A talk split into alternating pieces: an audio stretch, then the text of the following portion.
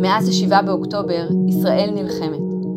אנחנו כאן בישראל היום נמצאים בשטח ובאולפן במטרה להביא את הקולות, הסיפורים והעדויות מהמלחמה. לשפוך אור על מה שהיה, להבין, ללמוד, להתחזק, למצוא אור ותקווה, וביחד לעבור את התקופה המורכבת הזו. אז בואו, נביט קדימה ונצא לדרך. כמפתח משחקים אני נאלץ לחבוש שני כובעים, כובע האמן וכובעו של איש העסקים, כתב היזם והממציא חיים שפיר בספרו המשחק האנושי. שפיר הוא האיש שהביא לחיינו את ההכרזה אחרון וגם את הקלפים עצור, שני כיוון, מלך וטאקי. הוא הוליד את המשחקים רייס, לוגי, פיקוליו, מרוץ הגבינה, רביעיות, קליק קלק, אמרתי רק חלק אני יודעת. הוא יזם וממציא משחקים, מאחוריו 40 שנים של פיתוח משחקים ועיסוק יומיומי בשאלות הכי מסקרנות. מציאות ואשליה, מזל וגורל, הצלחה וכישלון, כבוד והשפלה, ובכל אלו אנחנו נעסוק היום, וכמובן גם נשחק טאקי. תודה רבה שהגעת, חיים שפיר. תודה שהזמנתם. מה שלומך היום? אני בסדר, בסדר. אתה מגיע אלינו מתערוכה מאוד גדולה בגרמניה, תערוכת משחקים? כן, בדיוק חזרתי מתערוכת הצעצועים במשחקים בנירנברג, זה המקום עלייה לרגל של כל הענף העולמי, שם נפגשים כולם עם כולם. שם נעשות העסקאות, שם נעשים הקשרים, שם נעשים הקשרים הראשונים וחיזוק הקשרים הקיימים. אה, זה המקום שכל התעשייה מגיעה, ואני כמובן שם כבר מ-1978 בפעם הראשונה. יש לך פזם יפה.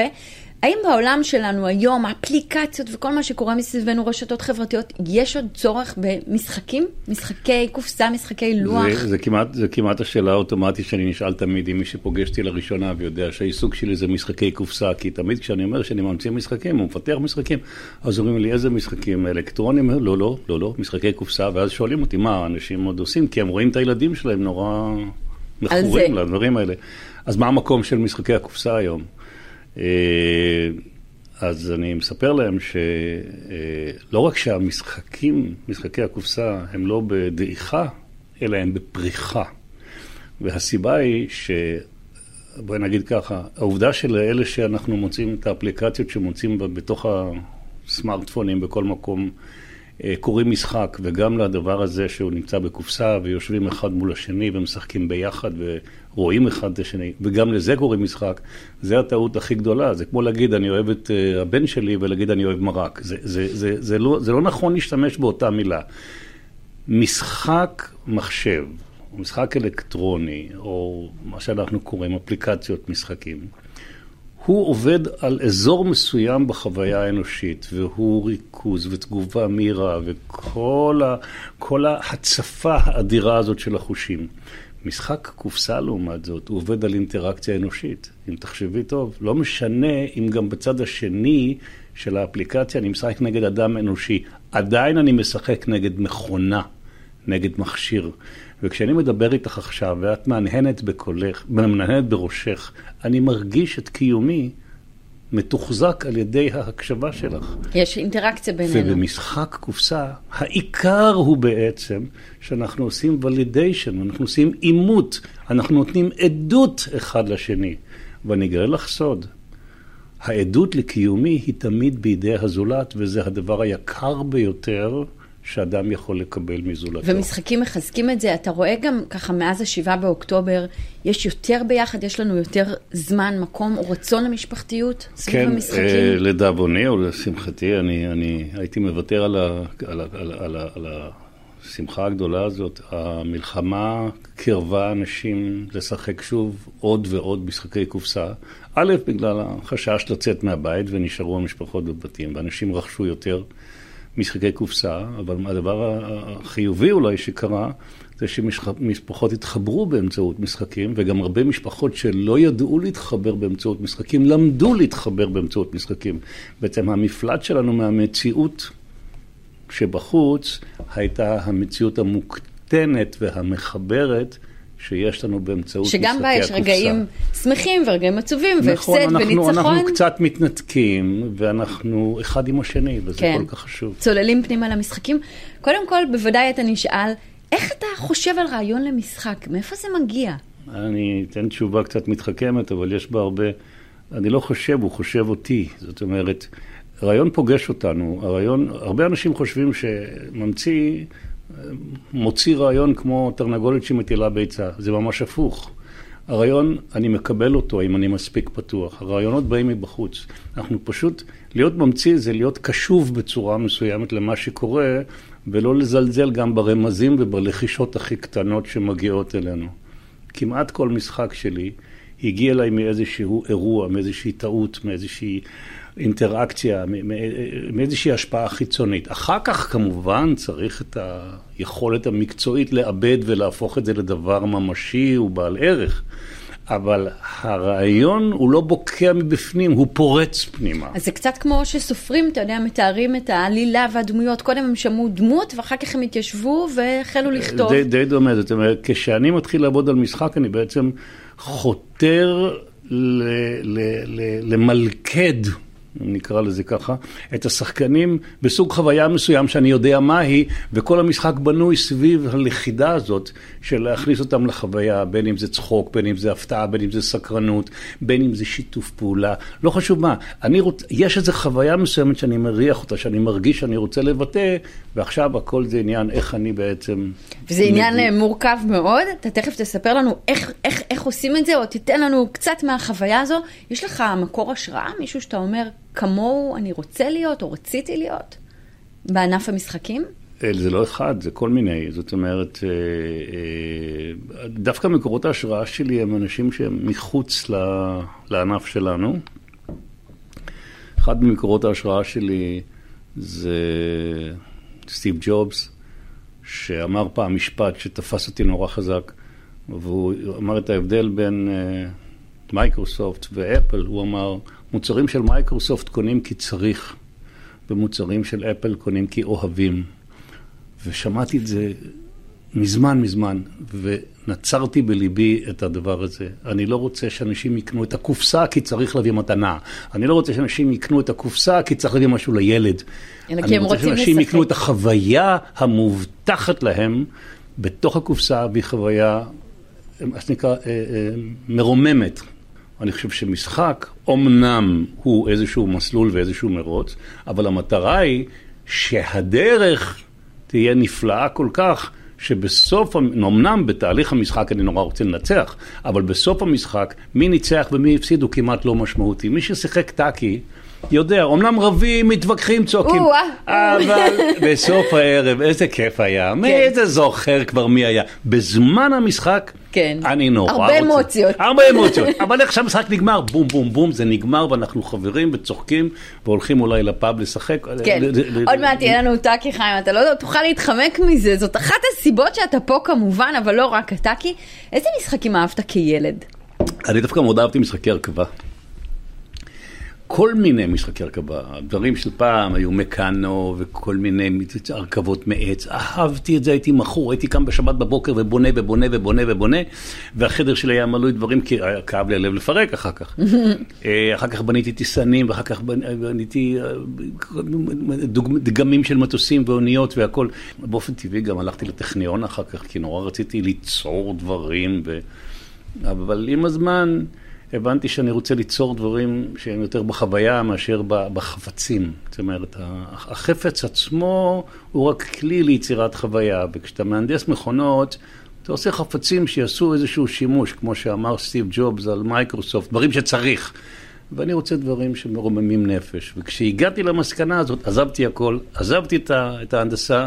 והלכתי לעשות משחקים. בהתחלה צעצועים ואחר כך משחקים. הגעת בדרך לא דרך, זאת אומרת, זה לא היה מסלול אה, מכוון מראש, להיות יזם ומפתח משחקים. איך, איך הגעת לשם? אני חושב שזה אופייני לאנשים שהגיעו למקום שהם נורא שמחים לקום לקראתו בבוקר. אה, אנחנו לא מצליחים, ברובנו, לא מצליחים להגיע למצב האידיאלי הזה, שאני מגדיר אותו, שאתה עושה מה שאתה אוהב לאנשים שאוהבים את מה שאתה עושה. אני חושב שאם הייתי רוצה להגדיר מה זה סיפוק ומה זה אושר, אז יותר מזה אני לא מבקש. זאת אומרת, תקום בבוקר לעשות את מה שאתה אוהב, ויש המון אנשים שאוהבים את מה שאתה עושה. החיבור הזה שהוא נדיר ו- ולא רבים זוכים לו, אני זכיתי, ואני כל בוקר אומר תודה למה שצריך ולמי שצריך, ש- שאני עוד שם. איך התגלגלת לשם? איך, איך זה התחיל? התחלתי ממה לא. שיטת אלימינציה. אבא שלי היה בעל מוסך. ובקיצים הייתי עובד כמו מה עשו אז עם הילדים. היו לוקחים לעבודה גם היום, אבל היום הולכים להייטק, אז אני הלכתי למוסך של אבא. ודבר אחד הבנתי מהימים שעבדתי במוסך, אני לא אהיה מוסכניק, ולא רק בגלל שזה מלוכלך וגריז והכל וזה וקשה, אלא בעיקר בגלל שתפסתי את העניין הזה, אז כבר בגיל 12-13 אני חושב, שאני לא רוצה לתקן את מה שהתקלקל, אני רוצה לעשות חדש. רציתי לתרום לשמחה, רציתי לתרום לחוויה של ההתרוממות רוח. באופן טבעי אתה חושב על מה שקיים, מה שבסביבה שלך. אה, כפר נופש, אז היינו צעירים, היינו הולכים לקלאב מד וזה, אמרתי, אני רוצה כזה. ובמקרה לגמרי, במקרה לגמרי, הגיע ידיד שלי, נגר, שהציע לי לעשות שותפות ולעשות צעצוע, לעשות משהו ביחד, הוא שאל אותי מה כדאי לעשות, כל כך התרגשתי, כי נורא אהבתי אותו, איש מוכשר. וגם נורא התרגשתי שמישהו מציע. רוצה את דעתי ומציע לי שותפות, וזה, הייתי אז בן 27, אני חושב. ואמרתי לו, כן, בוודאי, יש לי רעיון נהדר, צעצועי עץ, ולא היה לי מושג מה זה צעצועי עץ. זה הדבר הראשון שקפץ לי בראש לפני שהוא התחרט על ההצעה שלו. שנה עשינו צעצועי עץ. אני הייתי מאושר רק מהריח. הבנקאי שלי לא כל כך. מצעצועי עץ לא מרוויחים כסף, לדאבוני הרב. ואז הבנתי שכדי להתפרנס צריך לעשות משהו שהרבה יותר קל לייצר, והערך של זה, זה לא החומר, אלא זה הרוח שבתוכו. כי רוח זה IP, זה intellectual property, זה יכול להיות משוכפל בקלות. אז פה כבר בא לידי ביטוי הפער בין האומנות לאיש העסקים? זאת אומרת... בדיוק. השלב האחרון בתהליך הוא ההתפשרות. עם המציאות. מהחלום, איך זה ייראה וכמה זה, עם, עם כמה זה צריך לעלות. כי בסופו של דבר צריך להביא את המקסימום לייצר בכמות מסחרית. במינימום כסף, כי mm-hmm. הצרכן חושב על כמה הוא מוציא מהכיס. ואני שמח שאני מצליח ברוב המקרים. לפעמים אני מתפשר יותר מדי ואז המשחק הוא פחות טוב ממה שהיה יכול להיות. ולפעמים אני מאוד מאוד מצליח, ובעלות מאוד נמוכה אתה מוציא חוויה מאוד מאוד גבוהה. כל רעיון וכל יצירה תחילתה באחד משלושת המקורות. צריך, לא, קודם כל אפשר, צריך וכדאי.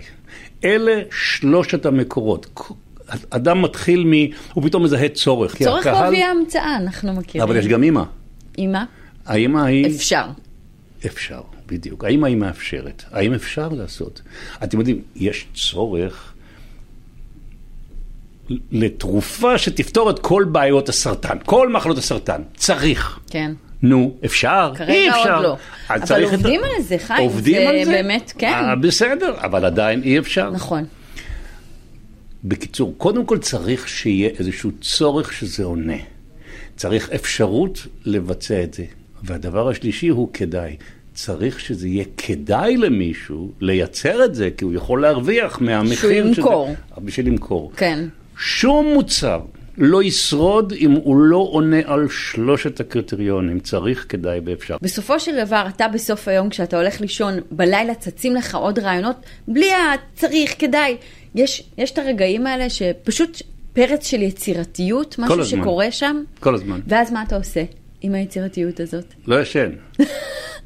באמת? כן. כן? זה מדהים. מעט מאוד שעות? נכון, וזה לא, לא נשלט, זאת אומרת, כאילו, אה, כשאני נמצא בתהליך, בשלב ראשוני, אמצעי או, או שלישי, זה, יש בדרך כלל, אני מחלק את זה לשלושה שלבים של הפיתוח. זה שלב הרעיונות האמורפיים, השלב שבו זה מתחיל להתגבש לרעיון מעשי, איך זה, איך זה יתקבל כמשחק, והשלב האחרון, שהוא לפעמים די ארוך, של הליטוש עד שזה מגיע לשלמות. החוקים, התקנון. הכל, הכל, החוקים, הדיוק של החוקים, המצבים הקיצוניים, איך פותרים אותם, לראות שאין באגים, כל זה, זה שלב מאוד ארוך לפעמים. בכל אחד משלושת השלבים אני שקוע טוטאלית. זאת אומרת, אה, אני לפעמים יכול לאבד קשב בשיחה, כי פתאום צץ לי רעיון ואני מתנצל, או אה, אני הולך לישון. לפני בין השיחה שלך, כן, כי אתה בכלל הולך, לא שם. אני הולך לישון ומנסה להירדם, ואני עייף, אבל... אה, אבל המחשבות רצות? המחשבות היית רצות. אומר שרוב ממציאי המשחקים ככה, בשלב השלישי, האחרון, הם נרתעים, מוותרים שם, באמת במקום שצריך לדייק ולחדד. בדיוק ככה. מה, היית ממציאה פעם? לא, אולי נהיה, לא. זה נכון מאוד. אם, אם יש בין המאזינים אנשים שהם ממציאים באיזשהו תחום, אז אה, יש בחיל אוויר, יש, יש פתגם, סיסמה, סלוגן, שאומר, הטיסה מסתיימת בדתק, דתק זה הדיר התת-קרקעי שהמטוס מגיע אליו. יש תמיד נטייה שאתה מגיע לסוף הטיסה, אז אתה מרפא את המתח, וההסעה אחרי הנחיתה, שם קורות הכי הרבה תאונות, כי טייס אחרי שעה, שעה וחצי טיסה, הוא עייף, הוא מותש, והוא מסיע, טוב, עדיין נחתתי וזה, וזה הטעות של הרבה מאוד יוצרים. כאשר הגעת לשלב של הליטוש, אתה אומר, טוב, יאללה, בוא, בוא, כי הרצון לראות את יציר כפיך ומוחך, מהיר, כבר מהיר, בחוץ, כן. דוחף לזלזל בחשיבות של השלב השלישי, אבל השלב השלישי הוא השלב החשוב ביותר. רעיונות קל להביא. הם מסתובבים בעולם, פשוט צריך להסתובב עם רשת ולתפוס אותם, להקשיב, או לחשוב עליהם, או לזהות אותם. זה קל. לעשות דגם ראשוני שאיכשהו עובד זה גם קל. לעשות אותו מלוטש זה הכי הכי קשה. זאת העבודה השחורה. ואני לא רואה אותה שחורה, אני נהנה ממנה נורא. כן. ואולי בגלל זה אני באחוז די משמעותי מצליח יותר מהממוצע העולמי. אני אומר את זה במלוא הצניעות. אה, ההצלחה שלי ביחס לממוצע העולמי של כמה משחקים של, שלי נהיו להיטים, בינלאומיים אפילו, היא שברה כל, כל, כל רקורד. אז תן לנו את זה במספרים, אתה יודע. זה נשמע, מה הישראלים אוהבים לדעת? זה נשמע גאוותני מדי ויהיר, אני רק אומרת את זה. בכלל לא. הישראלים אוהבים באמת לדעת בסוף, השורה התחתונה, אפשר אה, להתעשר מהמצאת משחקים? כמו כל מקצוע יצירתי, רק כשאתה בר מזל ויש לך... הצלחה מדהימה. ואתה מגיע לטופ, בתחום שלך. ואתה מגיע לטופ, כן. דיברנו קצת ככה על אה, משחקים והחוויה הרגשית שקורית בהם, אז יש הפסד ויש ניצחון, יש רגע של אה, כאב ויש רגע של אושר עילאי. יש את הדברים האלה, הם, הם חוויות רגשיות, אמוציונליות, קורה, קורה לנו בכל אה, משחק. אתה מתחבר לזה? אתה, אתה אוהב את הרגעים בוודאי. האלה? גם של ההפסד? אין, אין שם השפלה בלהפסיד? אז זהו, אני משתדל מאוד, בגלל שאני עושה משחקים שנקראים משחקים משפחתיים. Mm-hmm. משחק משפחתי הוא אתגר מאוד מאוד מרתק. זה משחק ילדים שהמבוגרים מתים עליו. זאת אומרת, כדי שהילדים והמבוגרים ייהנו ביחד, זה לא מספיק שההורה מקדיש את הזמן לילד. הוא צריך לא לסבול. הוא צריך ליהנות. הוא כל, צריך לרצות נכון. לנצח את הבן שלו בן החמש. שהמשחקים שהרמתי מהם ידיים זה אלו שגם אם הייתה דרישה מצד בנותיי שאני לא יכולתי. אז זה אתגר מאוד מאוד uh, חשוב. כדי ששחקן ירצה להמשיך לשחק אחרי שהוא הפסיד, אסור שזה יהיה כרוך בהשפלה. איך עושים את זה? זה תורה שלמה. זה גם נורא תלוי בבן אדם. נכון. ברור שאתה מכוון לאיזשהו ממוצע, אבל זה גם, וזה אחד הדברים החשובים, וזה, אני אטיף לזה עד, עד נשימתי האחרונה. התרומה הגדולה ביותר שהורה יכול להעניק לבן שלו, זה אותו זמן איכות שבו הוא משחק איתו משחקים שהמבוגר נהנה. למה? כי ילד קטן משחק על חייו, שואלים אותי, שאלה המפורסמת ביותר, למה הילדים משקרים? למה הם בוכים שמפסידים? למה? האם לתת להם? חס ושלום, משחק את המשחקים שיכול לנצח, ואחד. והדבר השני, הילד לומד ל- ל- להפסיד רק כשהוא מבין בפנים שההפסד במשחק הוא לא הפסד שלו, זה הפסד של הדמות שהוא אתה על עצמו אבל זה גיל המשחק. שמונה ומעלה. זה קשה נורא וזה נלמד אך ורק על ידי דוגמה אישית של המבוגר, וזאת התרומה של מבוגר כשהוא משחק עם הילד שלו, או בכלל עם ילדים. כשאני מפסיד, אני שלם, האגו שלי מוגן, אני לא מתרסק, ורק על ידי דוגמה אישית ילד לאט לאט לומד לגלות. אתה המודל שלו, כן, לשחק. שמי שהפסיד זה התפקיד שהוא לקח במשחק, אתה יודע מה האתגר עכשיו? לקחת את המתבגרים. ושהם לא יקומו באמצע המשחק בזעם, או אתה יודע, זה גם ככה גיל קשה ורווי אמוציות. על ידי דוגמה אישית. אני אקח אותך למקום של אה, גורל ומזל. אנחנו תמיד שואלים את עצמנו במשחקים, רגע, אם רק הייתי מקבל את הקלפים האחרים, הכל היה נראה אחרת, הכל היה שונה. אז נכון. איפה פה באמת ניהול הסיכונים שלי, או חוכמת המשחק שלי, הניסיון שלי, האסטרטגיה? סתם, קיבלתי קלפים לא טובים. אה, גורל זה, אנחנו קוראים, משתמשים במילה גורל כאשר אנחנו אה, מרימים ידיים ואומרים, טוב, זה הגורל שלי, זה לא תלוי בי. Okay. מזל זה אחד משלושת המרכיבים של משחק. במשחק יש שלושה מרכיבים שעל פיהם הוא מתנהל. יכול להיות שכל השלושה באים לידי ביטוי, ויכול להיות שרק שניים, או אחד אפילו. מיומנות, טקטיקה ומזל. בטקטי זו דוגמה בולטת, מיומנות, טקטיקה ומזל. במשחק שהוא רק מזל, זה רק מזל.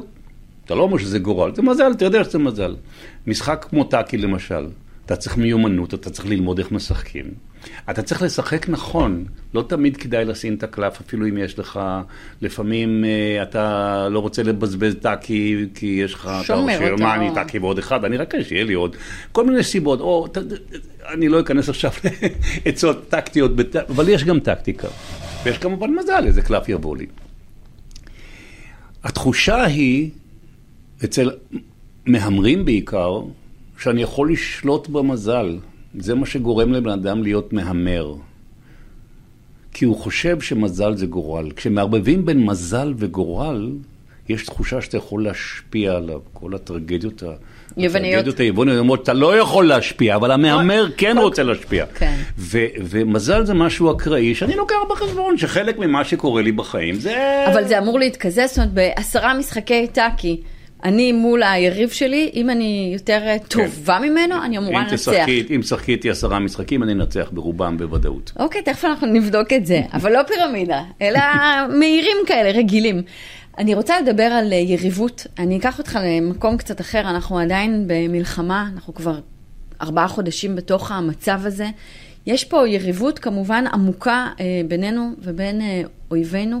זה משהו שאפשר לקחת ממנו לעולם המשחקים? בוודאי. השפלה, כבוד, אולי אם נבין את השפה של אה, יריבינו, נוכל אה, לנהל את הדברים אחרת? אה, בוודאי. אי אפשר לחיות בלי יריבות. באופן טבעי. מה לעשות? העולם הוא כן. כן. תהליכי uh, התמודדות uh, ביני לבין עצמי, ביני לבין uh, uh, אנשים שחולקים עליי, ביני לבין חבריי, ביני לבין בני זוגי לפעמים. יש, אבל החוכמה היא לדעת לנהל את היריבות ואת המחלוקת ללא אלימות. מתי פורצת אלימות? בגדול אנחנו מסתכלים על העולם דרך שלוש פריזמות.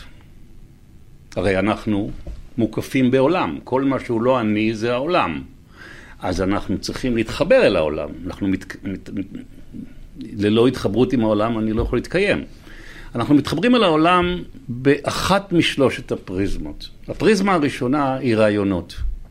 אני זורק רעיונות, את זורקת אליי בחזרה רעיונות, מין brainstorming כזה. זאת אומרת, הכל בקלילות. זאת אומרת, אם אני אציע לך רעיון, ואת תציעי רעיון טוב ממנו, הסיכוי שאני אקבל את שלך הוא מאוד גבוה, כי שנינו ברמה ובפריזמה של רעיונות. כשאנחנו ברמה של הרעיונות, המשחקיות שלנו היא ברמה הגבוהה ביותר. כי אם הרעיון שלך יותר טוב משלי, אני שמח, אני לא מושפל. וזה לא המצב שלנו יש רמה כרגע. יותר נמוכה מבחינת המשחקיות, והיא, ברעיונות אני מאוד משחקי, בדעות כבר פחות, כי הדעות שלי הן נחשבות כנכס. אנחנו אומרים, אני עומד על דעתי. מה זה עומד על זה? נכס שלי. אני מתבצר בעמדתי. קשה לנו. בדעתי. ממש מבצר. לוותר עליהן. נ... כן. זאת אומרת, כאשר אנחנו חלוקים בדעות, יש ויכוח. הוויכוח יכול להיות אפילו מר. אבל עדיין, אם אני אביא טיעונים מספיק טובים, אולי תשכנע אותי. אולי אני אשכנע, או להפך, נכון? אוקיי. ויש, הדעה, ויש השכבה הכי עמוקה, והיא שכבת האמונות. כאשר אנחנו יורדים לקומה התחתונה, למרתף של שכבת האמונות, אין לנו בכלל אפילו לא שריד של משחקיות בנשמה, ואנחנו מגיעים לאלימות. ושם אנחנו נמצאים מול כאשר החמאס. אמונות נפגשות באמונות מתנגשות, נוצרת, נוצרת תשתית לאלימות. ולכן אנחנו נמצאים היום בקונפליקט כזה עמוק עם שכנינו, כי האמונות של שני הצדדים מתנגשות באופן מיידי. יש אה, שאלה מאוד יומרנית, אבל יש, יש דרך שאפשר לפתור את הקונפליקט הזה? כן, להגיע- ליצור אמונה, ליצור אמונה משותפת גדולה. אגב, אני חושב שאחת ההברקות הנפלאות ביותר הייתה אה, המושג אה, הסכמי אברהם. כי בעצם הם מרמזים שכולנו פה באזור בני בני אברהם. ויכול להיות שהמותג הזה, הסכמי אברהם, צריך לחזור. יכול מאוד להיות שהרוח שלו, אם, אם, אם, אם יטפחו אותה כהלכה, יכול להיות שיהיה תשתית ה, ה, ה, הנשימתית ל, ל, לה. להסכם הרבה יותר רחב. אז בואו נדבר על טאקי. איך התחיל הרעיון? איך, איך הגיע הטאקי לחיינו? המשחק באמת כל כך אהוב במהדורה חדשה, קלפים גם חדשים. אז כמו שאמרתי, אה, רעיונות באים לראש ולא יוצאים מהראש. אה, הרעיון לטאקי היה ממשחק אה, עממי ששיחקו אותו בקלפים רגילים, שנקרא שמונה משוגע, או Crazy Eights, והוא היה מאוד פרימיטיבי, ולא היה בו כל כך הרבה קלפים מיוחדים כמו שיש היום בטאקי. ומה שאני עשיתי, לקחתי את ה-Crazy Eights, שהמבוסס היה להיפטר מקלפים, ו... ועשיתי לו את הקלפים המיוחדים. והוספתי הרבה מאוד חוקים שלא היו קיימים ב-Crazy 8, וזה עשה אותו כל כך מרתק וכל כך מעניין. אבל שוב, הרעיון הראשוני בא מבחוץ. עכשיו, איך אתה מבצע, ואיך אתה בונה. יש פה עוד שלבים. כן. אה, מ- מ- השם, טאקי, נשמע יפני. בוודאי, כי הוא יפני. טאקי זה מפל ביפנית. מפל, אבל הוא אוקיי. הגיע אליי מ... מהיכן? מת- מת- מתורגמנית יפנית של המשווק שלנו ביפן באותו... גם השם הוא הברקה. זאת אומרת, נכון. אותו דבר בדיוק, אבל היו קוראים לו מפל, אני לא יודעת. לא. לא. רציתי שם עם, נוף, עם, עם, עם צליל בינלאומי, אבל עדיין קל להגייה בעברית, ופונמות פונמות עבריות, וטאקי היה מתאים. וטאקי היה בול אה, פגיעה. כמה טאקי מצליח בעולם? אה, הוא נמכר בעולם, אבל אה, מאחר וטאקי מבוסס על שמונה משוגע, ושמונה משוגע יש לו הרבה גרסאות, אז הוא מתחרה בגרסאות נוספות. אמנם הוא הכי טוב, וזה אומר כל מי ששיחק עם הגרסאות האחרות וזה, אבל מאחר ו...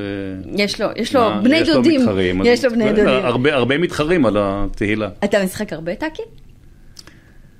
תקופות, תקופות, כן. אני משחק הרבה אגב באפליקציה, יש אפליקציה. זה לא אותו. דבר.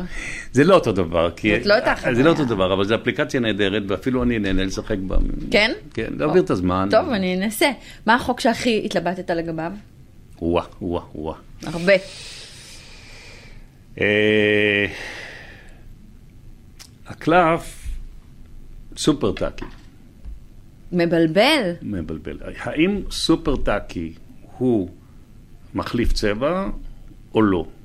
והתשובה היא לא. לא. כי אם הייתי עושה אותו מחליף צבע, כשנכנס קלף המלך, אז החלפת צבע היה ככה, שלושה, קלפ, שלושה, שלושה מחליפי צבע בחפיסה.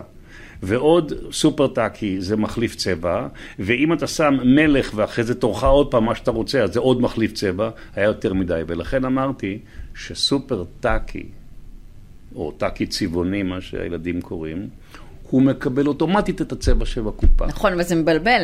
וזה חיים, מבלבל ויש כן. ויכוחים ואין כמעט משפחה- שבוע שאני לא או, פותר, אז, פותר אה, אז בנושא. בבקשה, אז זה ה- באמת הבורר, כמה אה, באמת כותבים, מתקשרים ומציקים לך בנוגע לטאקי, כל כל הזמן. ואתה כל- עונה, אני עונה לכולם, אני עונה, או הבן שלי, אורי, שהוא גם אה, שהוא חלק גם, כן, מהחברה. כבר 17 שנה אנחנו עובדים ביחד, ואנחנו שנינו מטפלים באופן אישי בכל הפניות. וואו. וזה אומר כמה פניות טובות ביום. יש קלפים אה, שהורדת מהמשחק שהיו ואינם עוד? כן, כן. אה, היה הקלף המשוגע שמחליפים מחליף את הקלפים. קלפים. אבל ככל שהתהליך של בניית הטאקי כמשחק יותר טקטי ואסטרטגי מאשר מזל, אני הרי תמיד שואף, אלמנט המזל תמיד טוב שיש, כי זה כיף. אבל את המשחקים צריכים שיהיה בהם גם את התחושה שאני לומד מהפסד, כמו שאמרנו, מטעויות, ומתקדם. וכשהכנסתי את קלף המלך, שהוא קלף מאוד מאוד טקטי, כי זה כאילו, זה כאילו ג'וקר, כי אתה מבטל מה שבקופה וזה, אז אתה לא תבזבז אותו סתם, אתה צריך לבנות יד שהמלך יהיה הכי אפקטיבי והכי משמעותי. וכשהכנסתי את המלך, הוצאתי את הקלף שבעצם הופך את המשחק, הפך את המשחק למשחק משוגע, כי אתה בונה, בונה, בונה, בונה, פתאום מישהו מחליף לך את היד. נכון. אז מי ש... זה היה יכול ליצור ממש אה, יותר מאכזבה, תסכול מר. אז אני רוצה להגיד לך, שהמדינה. התחלקה לא בין ימין ושמאל, דתיים וחילונים, זה לא היה הסכנה. הסכנה הייתה בין אוהבי הקלף הזה ושונאיו. אז טוב שהוא אז איננו. הוצאתי אותו. אבל אני באמת חושבת שילדים קטנים לא יכולים להתמודד איתו. זה כל כך אה, אה, לא פייר, לא פייר, דבר שאנחנו כישראלים הכי שונאים. צודקת. לצאת פראייר. ועד היום אנשים רוצים שאני אחזיר אותו. לא, לא, לא, אל תקשיב להם, אל תקשיב להם לא. בכלל. אה, טאקי, בעיניך, אתה יודע לפצח, לפענח את סוד קסמו? כן, מהו? משחק טוב. תגידי לי, מה זה משחק טוב? שכיף לשחק אותו. משחק טוב זה משחק שאתה נורא נורא רוצה לנצח בזמן שאתה משחק, משחק חברתי טוב, כן? אתה נורא נורא רוצה לנצח, ואתה נורא מתרגש שאתה מצליח, נכון. וזה לא כיף להפסיד, אבל זה מחזיק שניות אחרי שהמשחק נגמר ואתה מיד חזרה מתאושש, ואתה... רוצה עוד. בהתרוממות רוח ואתה רוצה עוד. רוצה עוד. אוקיי, חיים, אה, תודה רבה שהגעת אלינו, אנחנו מיד הולכים אה, לשחק טאקי. אני רוצה להודות למנהל האולפן, דניאל שפל, המפיקה נטע פלודרמן, לאורחות הוידאו. אני שיר זיו, נתראה בשבוע הבא בפרק חדש, ועד אז בוא נשחק טאקי. יאללה.